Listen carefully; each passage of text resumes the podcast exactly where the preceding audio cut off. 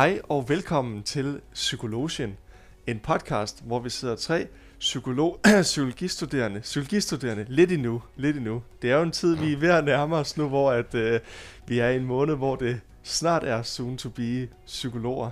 Det går ikke så lang tid inden, at vi er psykologer. Det er vist lidt overdrevet sagt. Vi bliver psykolog i dag. Vi bliver psykologer i dag. Med mindre ja, noget Med mindre noget så- går galt. Nu Ja, er den ude. Ja. Nu er der ikke nogen, der er i tvivl mere. Det er snart ved at være tid. Men øh, inden da, så, øh, så kan vi jo lige have det her afsnit, hvor vi stadigvæk lige for, for ja, nuværende stund stadig er, er psykologistuderende. Men vi er en podcast, som øh, snakker om forskellige psykologiske emner. Og øh, i mit navn, det er som altid Alexander Gammelholm.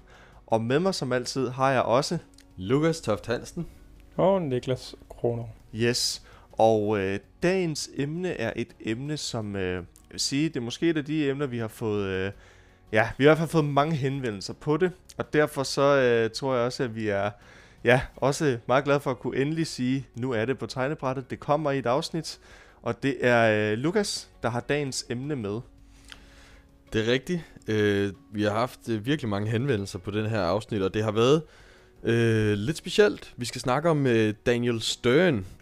Det har faktisk ikke været så nemt at opstøve øh, hans udviklingsteori, øh, men øh, nu hvor jeg har sat mig lidt ind i det, så kan jeg faktisk godt se, at øh, det er en ret øh, interessant og spændende udviklingsteori. Øh, vi har jo tidligere talt om øh, Bowlbys, om Piaget, om øh, Vygotsky, og man kan jo gå ind og se øh, de gule afsnit, dem der hedder udviklingspsykologi, så kan man få sådan lidt en øh, opdatering på de ting. Jeg tror også, vi har talt en lille smule om Freud og de der faser. Øh, det kan jeg ikke helt huske, om vi gjorde, men øh, Jo, lidt måske. Ja. Jeg tror, vi har nævnt det lidt kort. ja. Mm. Og øh, Daniel Stern, han er så en, øh, en psykolog, der er født i øh, 1934 i New York, og han bygger lidt bro mellem både psykoanalysen og øh, tilknytningsteorien, som vi har snakket om, og kognitionspsykologiens udviklingspsykologi.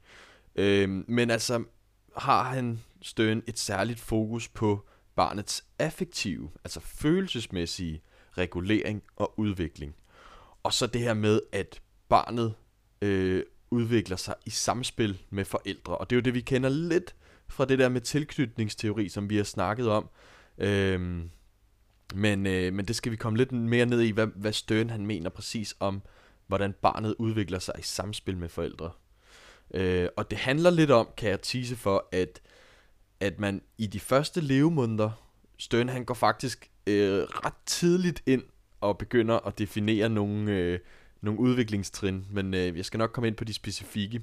Men fra allerede de første levemåneder, så begynder samspillet og de situationer, som spædbarnet øh, er sammen med sine primære omsorgsgiver, forældrene og andre mennesker, øh, det begynder at lave en eller anden basis øh, for barnets psyke og for barnets selvdannelse. Og øh, selvet, det er så det, der fører til øh, senere hen udvikling af selvtillid, af selvværd, af personligheden. Det er sådan barnets kerne på en eller anden måde. Og det er også derfor, at Stern mener, at øh, hvis det her ikke bliver udviklet ordentligt, særligt som spæd, jamen så er det, at vi kan se problemer med de her, altså problematikker med for eksempel personlighedsforstyrrelser øh, senere i livet, eller, eller selvværd for den sags skyld. Så det er meget, meget vigtigt, mener Stern, at, øh, at vi allerede fra start er rimelig opse på det, og øh, der er nogle ting, som øh, skal fungere i samspillet mellem, mellem barn og voksen.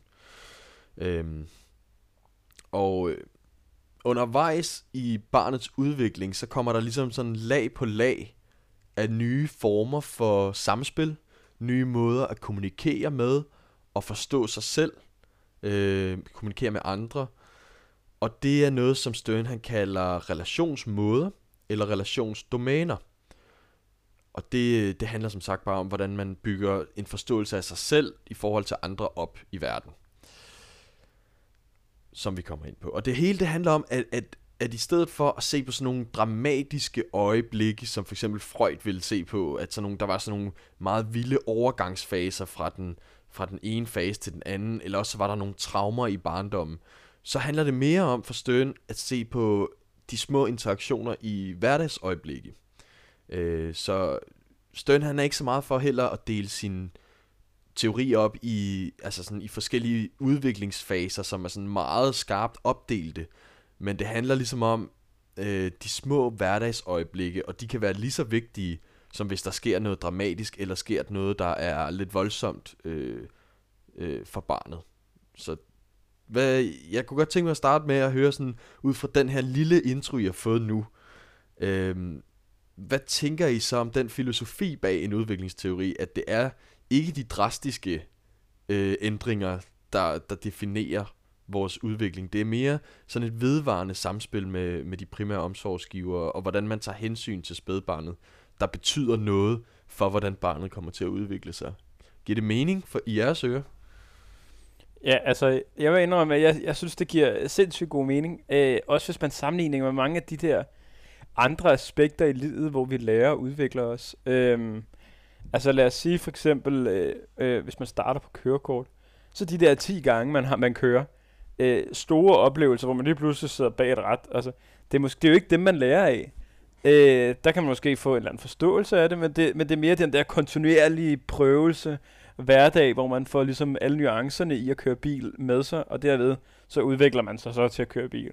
Lidt, øh, man kan sige, et strækt argument, men, men jeg, jeg har en idé om, at det, det fungerer i høj grad det samme som børn, at der skal ikke være sådan en, der er ikke sådan en, et, et core memory, der støber os på en eller anden måde, men det er den måde, vi ligesom hver eneste dag får en eller anden form for udvikling af relationer til vores mor eller far ind under huden, og det er den, der vi udvikler os. Øhm, øh, det tænker jeg også er, ligger meget overens. Der, der er jo mange teorier om børn, som fokuserer på, at det er vigtigt, at forældrene er meget sådan, øh, man kan sige, øh, på tværs af dage og måneder, er meget øh, ens i deres måde at håndtere barnet på at øh, man ikke den ene dag kan få lov til at spise, øh, den ene uge får lov til at spise slik mandag, tirsdag og onsdag, og den næste uge, der skal du på slangekur tre dage i træk, men at man sådan er mere kontinuerligt sin måde at opdrage på, og hele tiden øh, sætter nogle rammer for barnet, så det ligesom kan være ind under.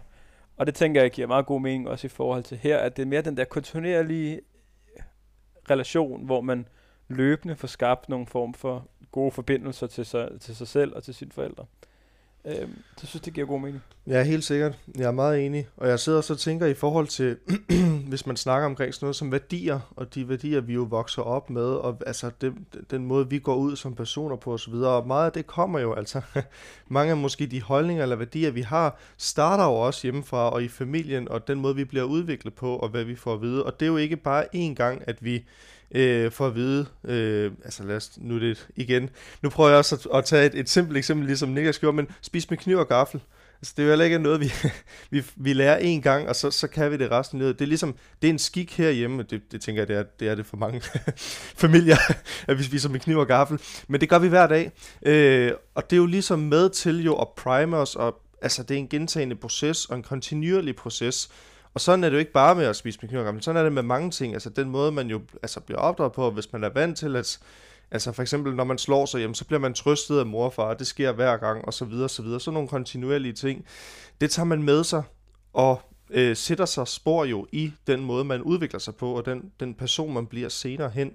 Så jeg synes også, den giver rigtig god mening, altså det her med, det er kontinuerligt, og det er jo noget, der, der sker øh, ja, længere hen. Så, så umiddelbart ud fra den der introduktion i hvert fald, du har, du har givet, Lukas, så, så giver den selvfølgelig rigtig god, øh, god mening. Ja, det er også noget, vi tidligere har diskuteret lidt, det her med, om udviklingen foregår i trin, fra den ene dag til den anden. Nu er du blevet fem år, så skal du spise med kniv og gaffel. Eller om det kommer sådan lidt løbende, Øhm, og, og det er noget, som man generelt diskuterer i udviklingsteorier, og, og som man må sige, at vi hælder nok til den sidste øh, version, at tingene kommer lidt løbende selvfølgelig, øh, men der skal jo ligesom også være en eller anden form for, altså, øh, hvis man skal lave en teori, så skal der jo være nogle faser, der skal jo være nogle forskellige trin, som man kan se, øh, hvor er vi cirka henne i, i forløbet. Øhm. Ja, lige præcis. Der skal jo gerne være en eller anden, som det er med alle de ting, vi siger jo, øh, det er, at der, skal jo gerne, der er jo en eller anden form for balance i det. Ja. Øh, du kan jo ikke i samme grad lære dit barn at øh, stoppe sig selv i specifikke handlinger, før de hjerneområder, som ligesom kræver det, er udviklet. Øh, og sådan nogle ting. Så, øh. Lige præcis. Og det er netop det samspil mellem for eksempel øh, barnets øh, neuropsykologi, altså nervesystem, hvordan udvikler det sig, hvad kan det fra start, fra spæd, og hvad bliver det bedre til, hvad lærer det undervejs, øh, og så øh, hvordan reagerer omverdenen på barnet, og det er derfor, at Stern kalder den her teori for en to-personers psykologi, frem for en en-persons psykologi. Det er altså ikke barnet, der i sig selv bare udvikler sig uafhængigt af omverdenen. Øh, nej, der skal to til tango, og, øh, og derfor så er, det, så er det dels barnets øh, hjerne, nervesystem, alt det her, og dels øh, det sociale og miljøet, og den måde, som forældrene øh, responderer på barnet på. Så derfor så, øh, så er udviklingen, den er ligesom øh, noget, man gør i fællesskab med, med de voksne. Men når man alligevel skal dele lidt op i faser, selvom at de ikke skal fungere så rigide i Sterns teori som i andre, øh, særligt så, så kritiserer Stern jo øh, Freud, øh, selvom Stern selv er øh, psykoanalytiker. Øh, ja. Mm. Øh, men, øh, men det er der jo mange, der gør efterfølgende. Det, det, er, jo, det er jo meget nemt, når den første ligesom øh, har fundet på det hele, så skal man jo kritisere ham. Men øh, jeg vil lige nævne de udviklingstrin eller faser, som Stern han øh, øh, siger, det er sådan cirka sådan en normal udvikling skal foregå. Og øh, som sagt, så ligger Stern meget vægt på selvet, udviklingen af det, og udviklingen af selvet og forståelsen med andre. Og det første, der sker, når vi er helt spæde fra 0 til 2 måneder cirka, det er, at øh, vi har et emergent eller gryende selv. Og det er præget af sådan nogle sp- altså spontane eller sporadiske krops- og sanseoplevelser, øh, som giver en begyndende fornemmelse af at være levende, øh, selvom man måske ikke sådan har en organiseret forståelse af, hvad det betyder at være et selv, eller af at være i verden, så, øh, så kan man alligevel øh, bevæge sig, man kan have noget øjenkontakt, man kan sige nogle lyde, og der sker her det, som han siger, øh, Støn siger, øh, kaldes, han kalder vitalitetsoplevelser. Øh, og det er, at der begynder at være sådan en, hvis jeg bruger min krop på den måde, hvis jeg har, hvis jeg skriger eller et eller andet, så vil jeg få et eller andet dialogisk samspil med omsorgspersonen. Øh, Jeg kan bruge min krop til at få opmærksomhed. Jeg kan give udtryk for et eller andet, jeg har behov for. Ikke at man måske tænker sådan helt kognitivt øh, den tanke, men man begynder alligevel at opleve det. Man begynder at fortolke de synsindtryk og sanseindtryk, man får. Øh, man begynder at prøve at organisere og integrere alle de oplevelser, der findes ude i verden. Øhm, det næste, der så sker, det er, at man så begynder, det er det, som øh, Stern kalder kerneselvet, øh, og det er så den fase, der er fra 2 til 9 måneder cirka, det er, at man begynder at, øh, at integrere tingene lidt mere, så man for eksempel lærer at stole på de primære omsorgsgivere. Øh, det er lidt, hvis man skal tage Bowlbys øh, teori om øh, tilknytning, det her med, at man begynder at foretrække den primære omsorgsperson frem for andre, øh, det, det minder lidt om det her. Øh, så man begynder at få nogle konsistente erfaringer om, at mor for eksempel, hun trøster øh, en, sørger for ens behov, og man kan ligesom begynde at give udtryk for, at man har de her behov, og, og opnå en eller anden hjælp ved det. Øhm, og det er så her, man begynder at udvikle det her kernesel. Det er, hvor man føler, man er i centrum for de oplevelser, øh, som man har i verden, og at der er nogle dialoger, der er nogle altså kontakt med en anden person, der kan hjælpe en, eller i hvert fald respondere på de behov, man har. Øhm. Og når vi så kommer til den næste fase, som er fra cirka 9 måneder, så begynder man at have oplevelser af intersubjektivitet. Og øh, det går ud på, at man begynder at kunne adskille lidt mere det, at man er et selv, eller en psyke, og at andre mennesker er et andet selv, og en anden psyke. Så man kan for eksempel øh, have det, der hedder fælles opmærksomhed, hvor man peger på noget, for at se, om mor hun også kigger hen på legetøjet, som man peger på. Øh, så man bliver optaget af ligesom at dele sine erfaringer med andre. Øh, man lægger mærke til, hvordan reagerer andre. Har de interesse for det, som jeg har interesse for? Øh, kan de ligesom følge med i, hvor jeg er følelsesmæssigt og den slags. Igen, det er ikke noget, de sådan helt konkret kognitivt sidder og tænker, men det er noget, de begynder at erfare øh, erfare og, og lege lidt med. Ja. Og øh, de begynder også at fornemme omsorgspersonerne og, og de sociale øh, relationer, der er, hvordan er deres sindstilstand, og de begynder også at blive meget påvirket af det. Man begynder i hvert fald at kunne se på børn, øh, hvis mor for eksempel er nervøs første dag, man, man bliver afleveret i vuggestue, så begynder man selv at kunne mærke, at man måske er nervøs. Øh, men, øh, men det er som sagt det her intersubjektive selv, man har udviklet, så man ved godt på en eller anden måde, at man ikke er den samme som mor, men man vil gerne ligesom prøve at, at nærme sig, eller prøve at skabe noget fælles opmærksomhed om nogle ting. Så kommer det verbale selv, og det kommer fra cirka 18 måneder. Det er her, man begynder at øh, få sprog, og ordene de giver så adgang til en ny oplevelsesverden. Nu kan man dele sine erfaringer og sine tanker på en anden måde i samspil med øh, omsorgsgivere. Så man bliver i stand til mere selvstændigt at udtrykke sine behov. Øhm, og øh, for eksempel så, hvis man er ked af det, så kan ordet ked af det fungere som sådan en armslængde øh, udtryk for, hvad det egentlig er, man gerne vil, man gerne vil dele med ens øh, mor eller far. Så øh, man får ligesom sådan en ny dimension af måder at kommunikere på. Og det er jo vigtigt for øh, Stern i det her, i det hele taget, hvordan vi kommunikerer. Så særligt det verbale er, er ret vigtigt. Men så kommer der også det narrative selv, og det kommer for cirka tre år. Og her der begynder man ligesom at have en integreret forståelse af, hvem man er på en måde. Man begynder at kunne skabe små historier om sig selv, om andre, øh, og på den måde mere kunne, øh, hvad kan man sige, adskille sig selv og forstå sig selv i forhold til andre via de her små historier om, hvordan, hvad, hvad man foretrækker, hvordan man er, hvad man godt kan lide, og hvordan mor er, og hvad hun godt kan lide, og hvad hun gerne vil have.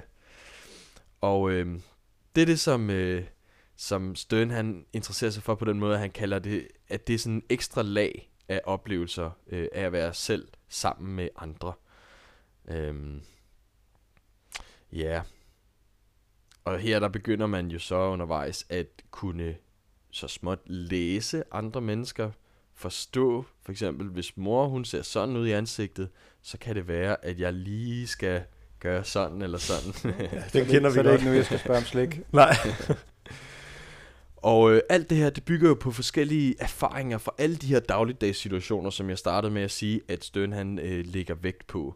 Øh, det er jo fra start for eksempel arme-situationer, situationer, hvor man bliver øh, trøstet, øh, og forskellige andre ting. Og, og, og når man generaliserer alle de her situationer, små situationer, der repræsenterer de små interaktioner i hverdagen, så danner det så grundlag for, hvad barnet forventer af omverdenen i fremtiden. Så øh, hvis man har opført, hvis man har mødt barnets behov på en særlig måde, jamen, så har barnet måske en mere positiv forventning til, at det vil også ske. De andre mennesker vil også øh, kunne øh, forbinde sig med mig og øh, dele opmærksomhed med mig og være sammen med mig øh, i fremtiden hvis man ligesom har et tillidsfuldt forhold, hvis man har fået opbygget det via alle de her små, bitte hverdagsting, øh, når man var spæd og, og op efter, og man er blevet fuldt i de her udviklingstrin.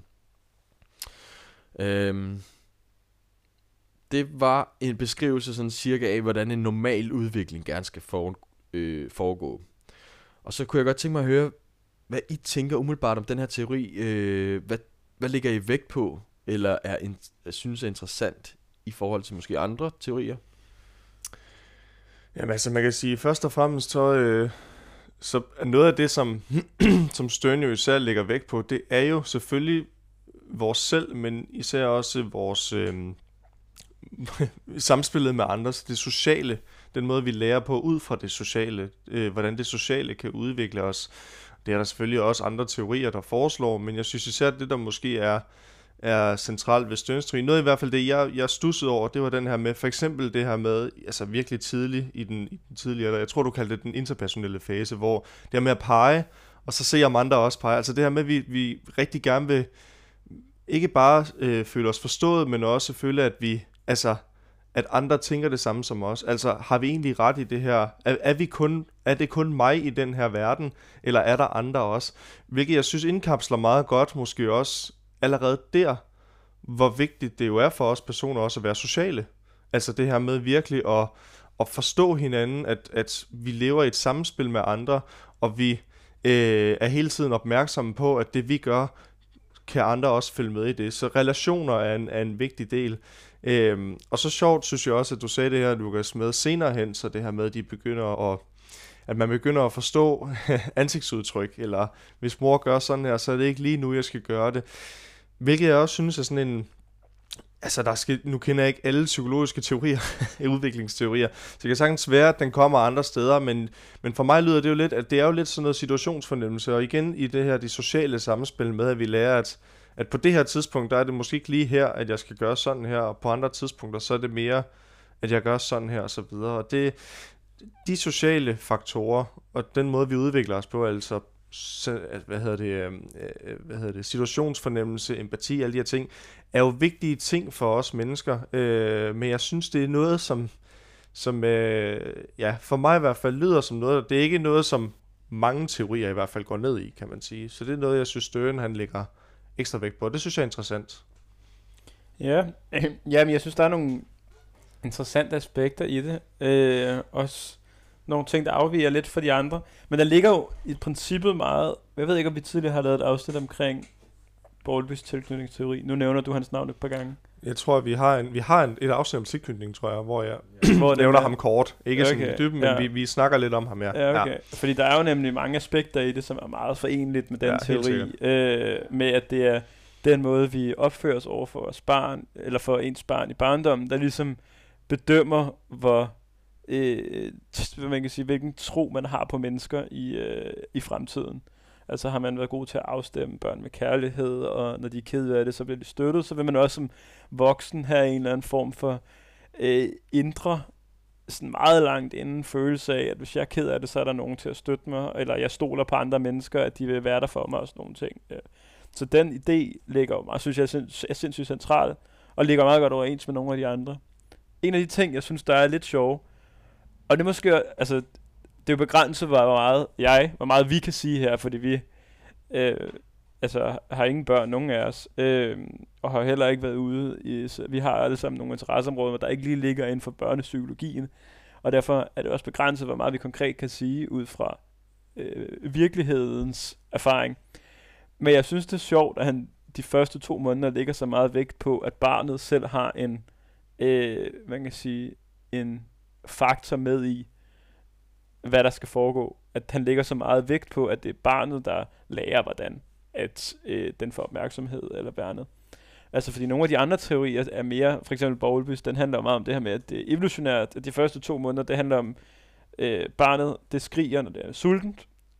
Øh, barnet, det skriger, når det er skidt i bukserne. Altså det er sådan, barnet skriger, når det er ved at, altså for at det skal have, altså for at det skal overleve. Og der er ikke så meget øh, barnet lærer, hvad der fungerer og hvad der ikke fungerer og sådan noget. Det lærer bare, at øh, øh, jeg er sulten, så jeg skriger. Og det synes jeg er meget sjovt, den skildring, at, at allerede så tidligt, fra man næsten bliver født til to måneder, at han øh, giver, øh, man kan sige, barnet den, øh, den ja, så meget øh, egen vilje. Hvilket jeg ikke er helt sikker på, er, overens med standheden med de små børn, jeg har kigget, for det virker fandme uduligt. ja. Og måske også nogle andre teorier, som for eksempel Bowlby, der måske siger, at det ligger lidt mere ja. evolutionært, ikke? Ja. ja.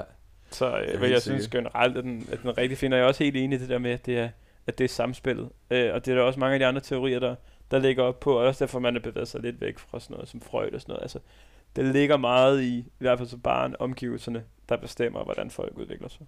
Ja. Jamen, jeg blev også lidt overrasket, da jeg, da jeg læste den her teori. Jeg læser, at det gryende selv, altså ja. en selvoplevelse fra 0 til 2 måneder, ja. det er godt nok også øh, det er tidligt. tidligt. Og jeg tror selvfølgelig, altså, og, og det er jo svært at vide, hvad der sker før den her verbale øh, fase i, hos børn, fordi vi kan jo ikke kommunikere med andet end for eksempel lyde og bevægelser og den slags. Øh, men ja, han lægger meget vægt på, at barnet øh, begynder at integrere og forstå verden allerede meget, meget tidligt. Øh, og det er ikke kun er instinkter det hele, men at øh, der ja. begynder at være noget omløb i hovedet.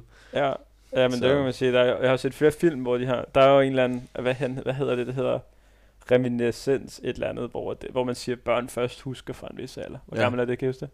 Ja, er det tre, tre, er det to-tre år? Så eller? tre år, ja, Ja. ja. Hvor man sådan, at det er lige meget, hvad jeg gør med barnet, det husker det alligevel ikke. Nej. Hvor at sådan et, jamen altså mange centralt i alle de her teorier, og hvilket også er et pointe, der er ret centralt at komme frem, er jo, at det argument slår ikke, slår ikke, altså, slår ikke særlig godt fast, at altså, det er vigtigt, hvad, man, hvad der sker i de her tre år.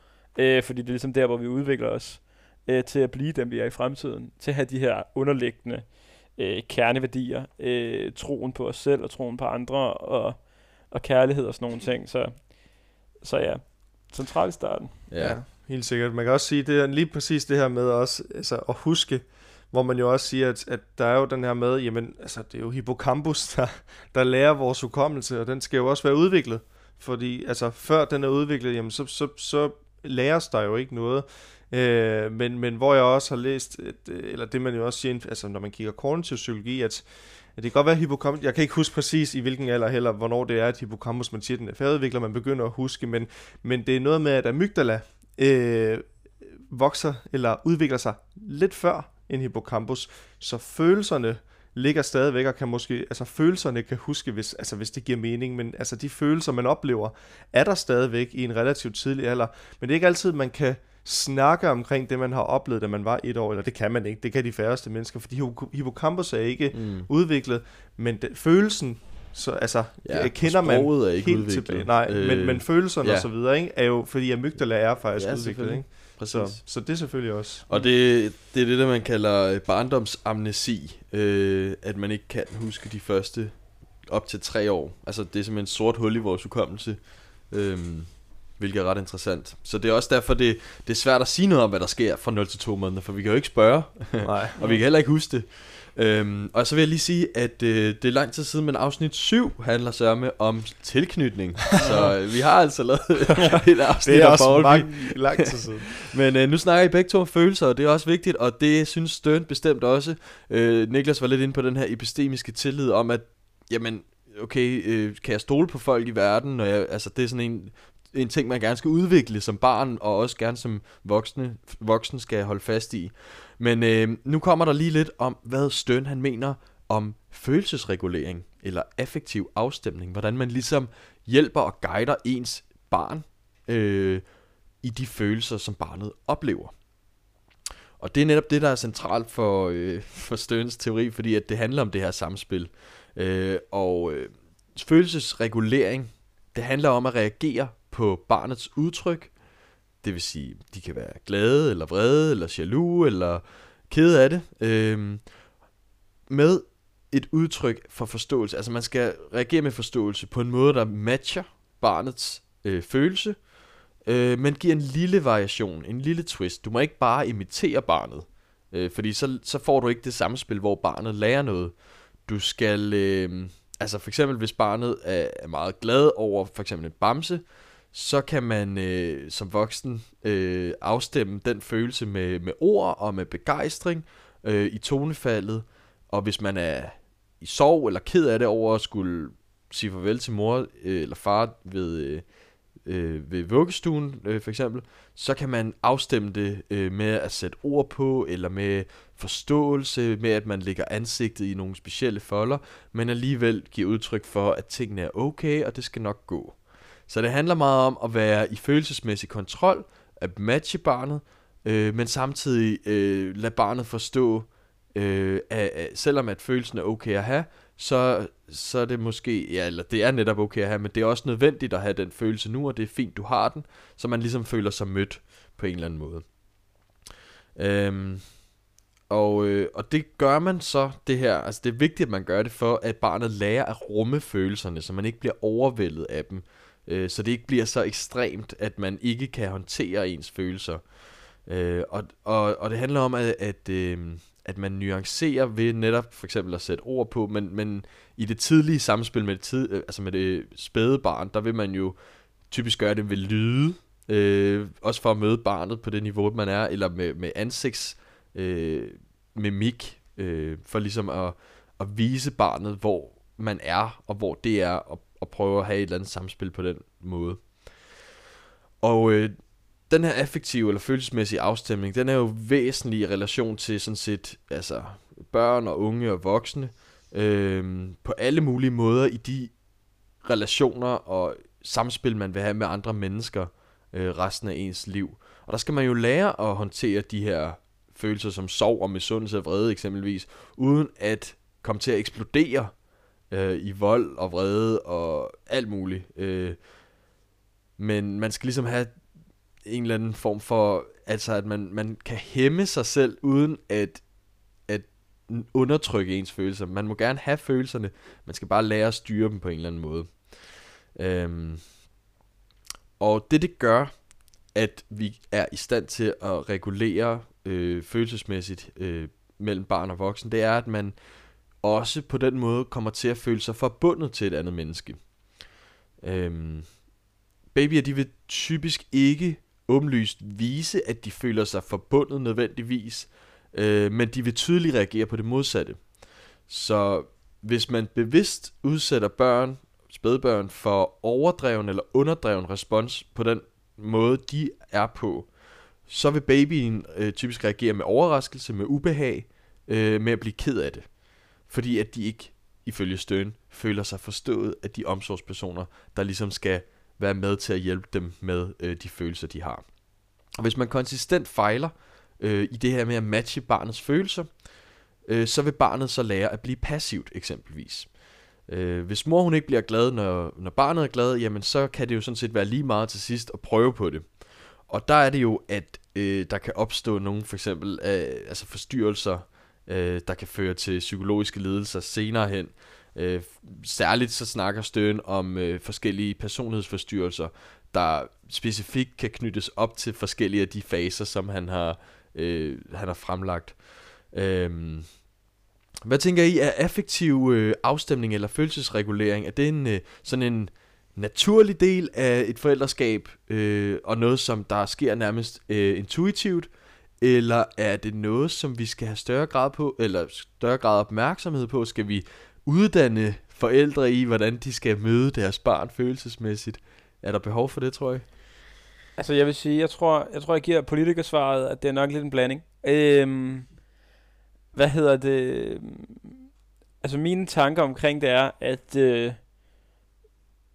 de mennesker, som i deres egen barndom er blevet korrekt afstemt og har fået den her øh, følelsesmæssig emotionsregulering på en, på en korrekt måde, og, eller korrekt, på, en, på en tilpas måde, så de også som voksne er i stand til at finde den her balance med ikke at sky helt ud, hvis nu deres, øh, der, der, ikke, der, dyr, der dør en flue, øh, og samtidig heller ikke er helt emotionelt øh, følelseskold, at man ligesom har fundet en eller anden form for måde at være i sin følelse på, at det tror jeg egentlig kommer ret naturligt at give den over, og give den videre til sine øh, børn, når de bliver født. Øhm, ligeledes, så tror jeg også, der ligger et eller andet med i, når nogen flere forældre, at der er et eller andet form for forældregen.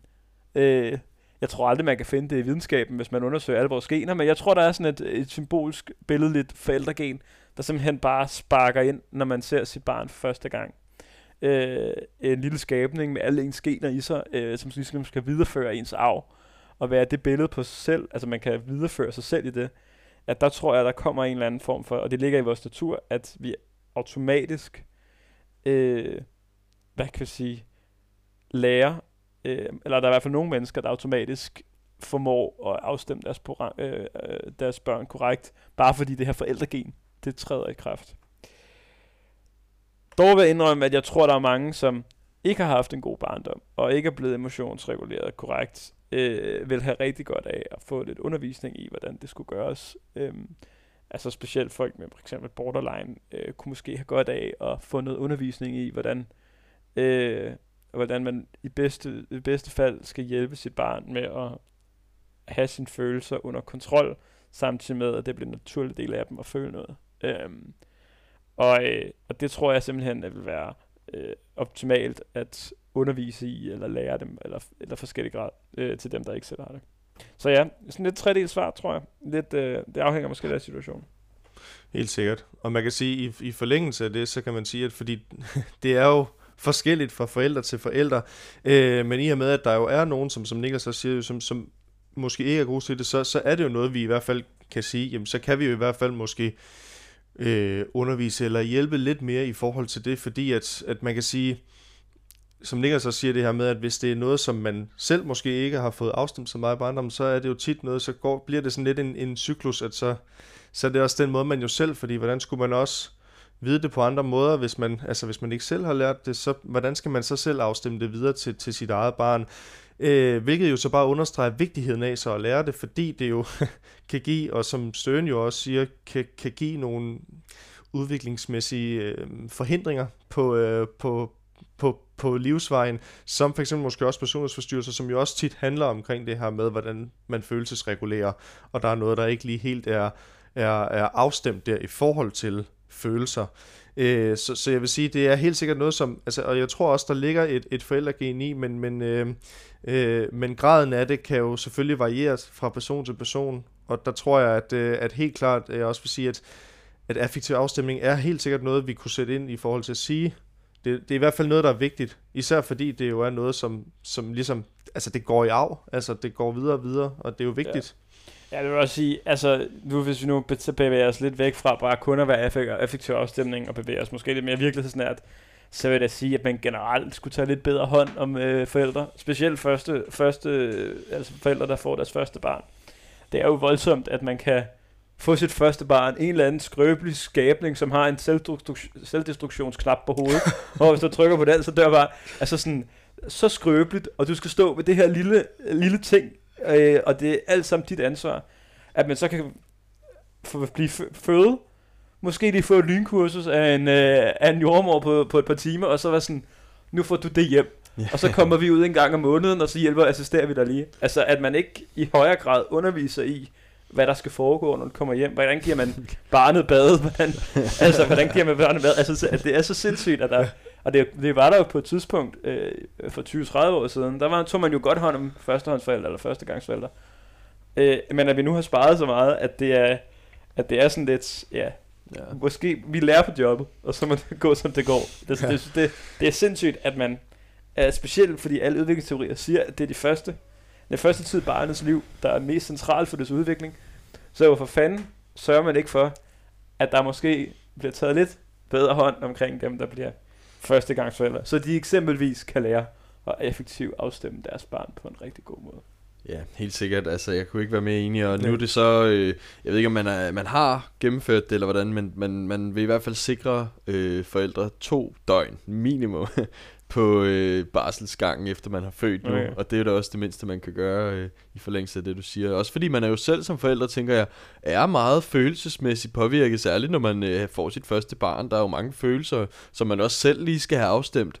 Øhm, og, øh, og, øh, men, men så vil jeg så også sige, altså nu, nu ligger stønnen meget væk på det med følelser og på det med øh, følelsesregulering. Der er vel også nogle, tænker jeg, fysiske behov. Hvis vi ser på Maslows behovspyramide, så er det jo ligesom øh, tryghed, sikkerhed, varme. Det som Niklas sagde, det der med, at man får noget mad, og man, altså der er nogle instinkter, der også lige skal på plads i starten.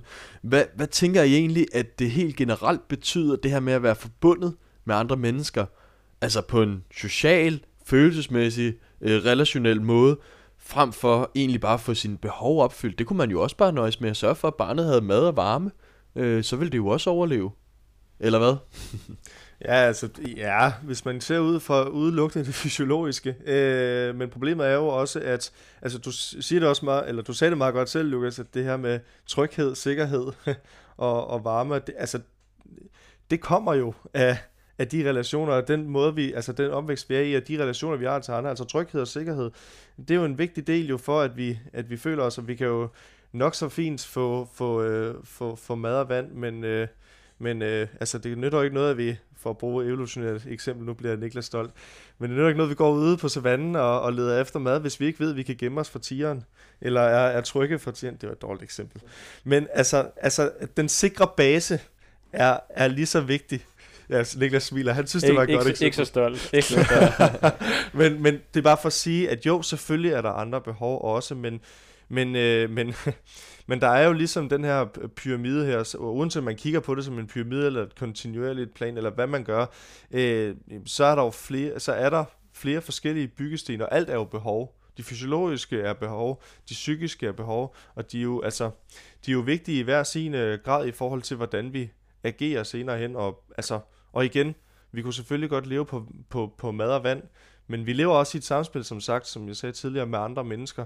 Og derfor er det også vigtigt, at vi har de her sikre base tilknytning. Øh, fordi at, at, at lære, hvordan vi kommunikerer, fordi vi jo ikke lever alene i verden. Øh, vi lever med andre mennesker. Ja, altså jeg vil sige, kun at fokusere på de fysiologiske behov, det er lidt ligesom at tisse af sig selv, når man fryser. Det er måske meget, øh, det er meget, det er meget fint øh, start, til at starte med, men det er meget kortsigtet. Øh, det fungerer ikke som en langvarig løsning.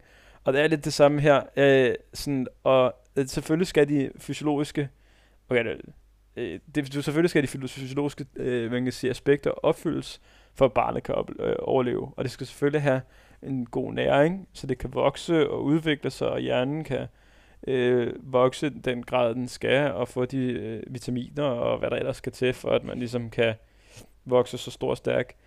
Men det er også kun noget fysiologisk, det der ligesom er baseret på mad og drikke og vand og varme og sådan nogle ting. Hele vores voksenliv og vores ungdomsliv og vores skole, øh, det afspejles i, øh, eller hvordan vi har det afspejles i de, ofte i de rela- sociale relationer, vi har.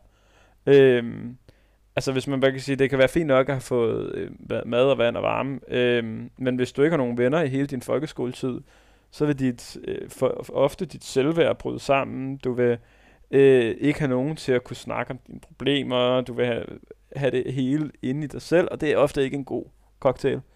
Øh, så det at lære, at øh, hvordan man psykologisk skal have det med sig selv, hvordan man socialt skal begå sig, det er altså sådan, det kan jo umuligt være vigtigere end fysiologisk, for du dør, hvis du ikke får mad, varme øh, og vand, men det er i hvert fald lige så centralt øh, ud fra et, sådan et udviklingsperspektiv.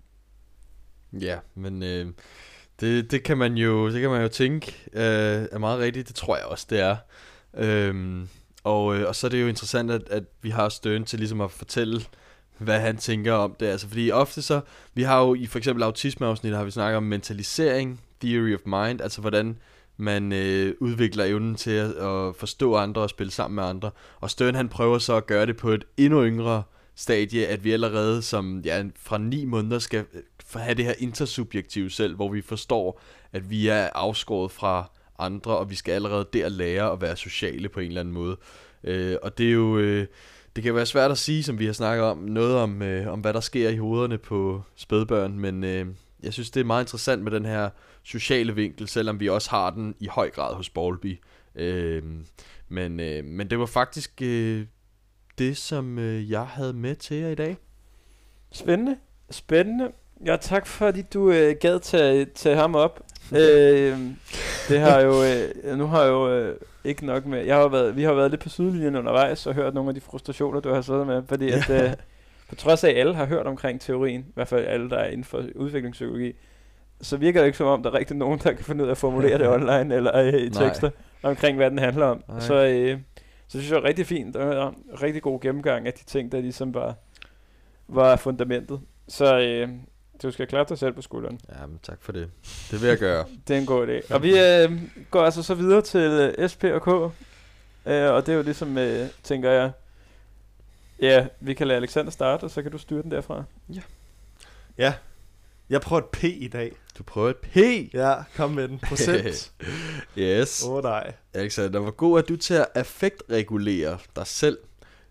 Øh, 0%. Du er et følelsesmæssigt vrag. Du er i dine følelsers ja. vold ja. hele tiden. Ja. Øh, 50%. Samtidig så kan du håndtere dine følelser, og samtidig så kan dine følelser løbe lidt af med dig. Ja.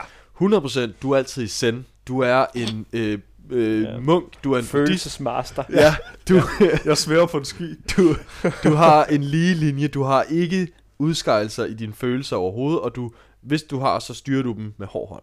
Ja, altså øh, ja, 100 procent. Det er sådan, det er. Nej, altså øh, jeg vil sige, at øh, til min umiddelbare tanke var, at jeg ligger i hvert fald på 50 procent, øh, fordi at der vil være tidspunkter, hvor man selvfølgelig, hvor følelserne vil tage over, øh, men, men, men generelt synes jeg ellers, at det er noget. Og så vil jeg måske sætte den lidt højere, men jeg synes også, det er fordi, for eksempel, at jeg har jeg personligt også lært meget på psykologistudiet i forhold til det her med at, øh, at følelsesregulere og ja, tage tingene og altså som det kommer. Øh, så øh, så jeg, vil, jeg vil nok sætte den på en, øh, på en øh, ja, 70 procent, 75 procent.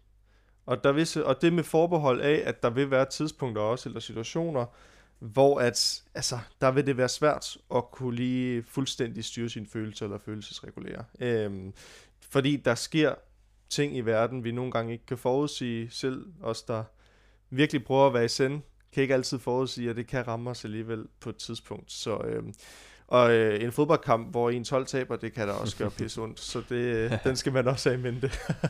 Men ja, ellers ja. Jamen, jeg har set, set Liverpool-kamp, så skulle lige til at brokke mig over de der 75 procent. Nå, ja, ja. Nå, men det er super. Jamen, så tænker jeg, at jeg tager S. Ja. Jamen, øh, så skal du øh, sige, om det er sandt, at udviklingspsykologien i det hele taget har afdækket, hvordan det opleves at være spædbarn. Slam. Uh, det er jo lidt en nederen spørgsmål. øhm, Hvorfor giver du det spørgsmål? uh, ja, men altså, det tror jeg nu ikke. Afdækker vi nogensinde mennesket helt? Det gør vi nok ikke. Uh, også fordi, hvis man skulle være rigtig, hvis man skulle være rigtig humanist, så vil man jo sige, at alle mennesker er forskellige, og alle børn oplever en forskellig udvikling, og derfor så vil vi aldrig nogensinde nå i mål med at indkapsle alle børn, da vi alle sammen er forskellige. Så øh, det gør vi nok ikke, men jeg tror da, vi vil have nogenlunde styr på sådan de basale træk, øh, tænker jeg. Altså, det er jo problemet. Men problemet med alle de her ting er jo, at det er jo ofte, ofte er øjet, der ser. Altså, nogen kan jo, øh, vi har jo, som jeg snakker også før, os mennesker har en eller anden form for bias til at se de konklusioner, vi selv tror på. Så øh, nogen vil have et evolutions... Nogle kloge mennesker vil have et evolutionspsykologisk perspektiv og tænke, Bolve, den er korrekt. Andre vil fokusere på det sociale og så tænke, det må være den her der, øh, støren, der passer sig. Jeg ved det ikke. Øh, jeg tænker, vi, vi i de grove træk er vi nok ved at være der. Jeg forestiller mig ikke, der kommer en eller anden ny sådan... Hold up! Ja. Børn, de er nogle lalleglade idioter, der ikke ved, hvad de snakker om, indtil de er syv. Et eller andet. Det tror jeg ikke. Så, Nej. øh, Nej, man ved det jo ikke. Der kan jo komme skred i forståelse af, det kan der. af forskellige ting, men man kan jo ikke forudsige ja. det. Og alle folk, der... Øh, og der var også dengang, folk troede, ver- verden den var flad. De sagde Mm. jo også, at alle dem, der troede, jorden, hva- hva- jorden var rundt, at de var idioter. Og Ja. at øh, de kunne da bare løbe ud over jordens ende. Så skulle de da nok se, at det er ret. Hvor der finder vi, at bliver klogere efterhånden jo, og det kan jo være det samme her. Den, der lærer sidst, lærer Det, bedst. ja, det kan være, at Stern, øh, øh, Sterns teori om øh, 100 år er lige så forældet som øh, Ja. Flat Earth, Earthers, eller hvad det hedder. Ja. Så sidder vi i en samskab med aliens, og sidder og griner af de tidligere Ja. idioter, der snakker.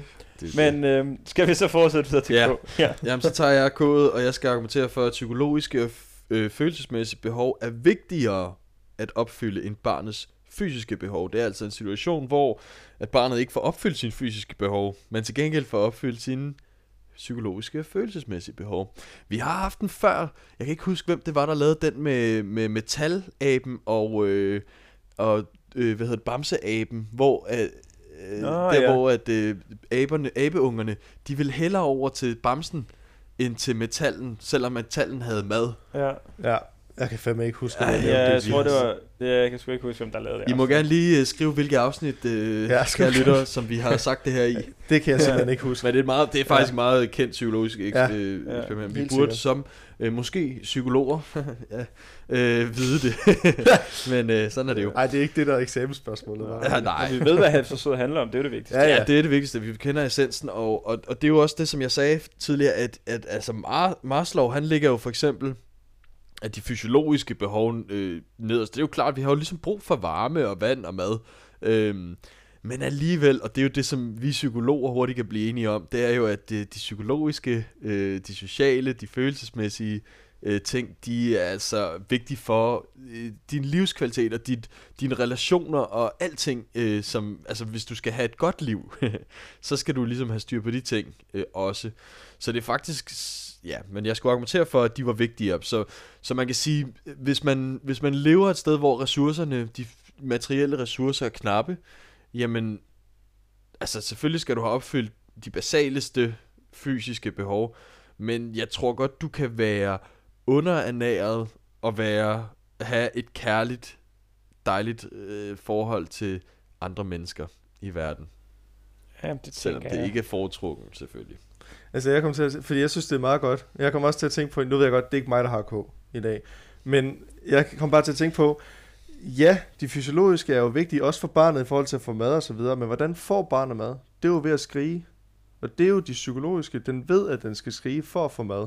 På den måde kan man jo også argumentere for, at det er vigtigt. Hvad mindre det er en overlevelsesmekanisme, der bare ligger i os. Så det, er det vil så ikke være så psykologisk. Det vil bare være naturligt. Nej, men ikke ifølge det. jo. Nej, det er rigtigt. det er rigtigt. Men det giver jo god mening, at øh, i, i lande, hvor at, øh, måske min, mere, min, mindre veludviklede lande, hvor at, øh, der ikke er lige så nemt tilgængeligt, at man ikke lige kan gå ned i Netto og, og købe øh, de ting, der skal til, at øh, det sociale og kærlighedsmæssigt er mere i fokus, end det med, at øh, du får mos otte gange om dagen. Mm. Ja.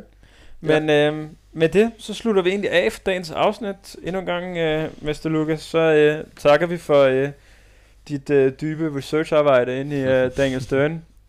Jamen, journalistisk, journalistisk kvalitet. Ja. Øhm, og øh, siger egentlig også tak til dig, kære lytter, for at øh, lytte med. Det har jo som sagt et, altså et gennemgående lytter i forspørgsel det her, og det har måske også lige taget lidt lang tid, og, før vi kom under huden på det. Men øh, det kom, og sådan er det med alle jeres forspørgelser.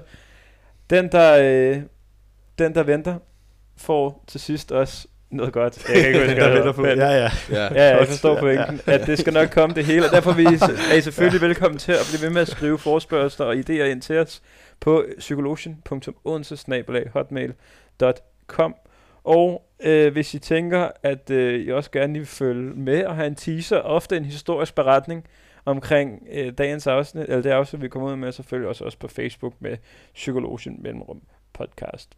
Og ellers så vil jeg sige tak for i dag, tak fordi du lyttede med, Wailar.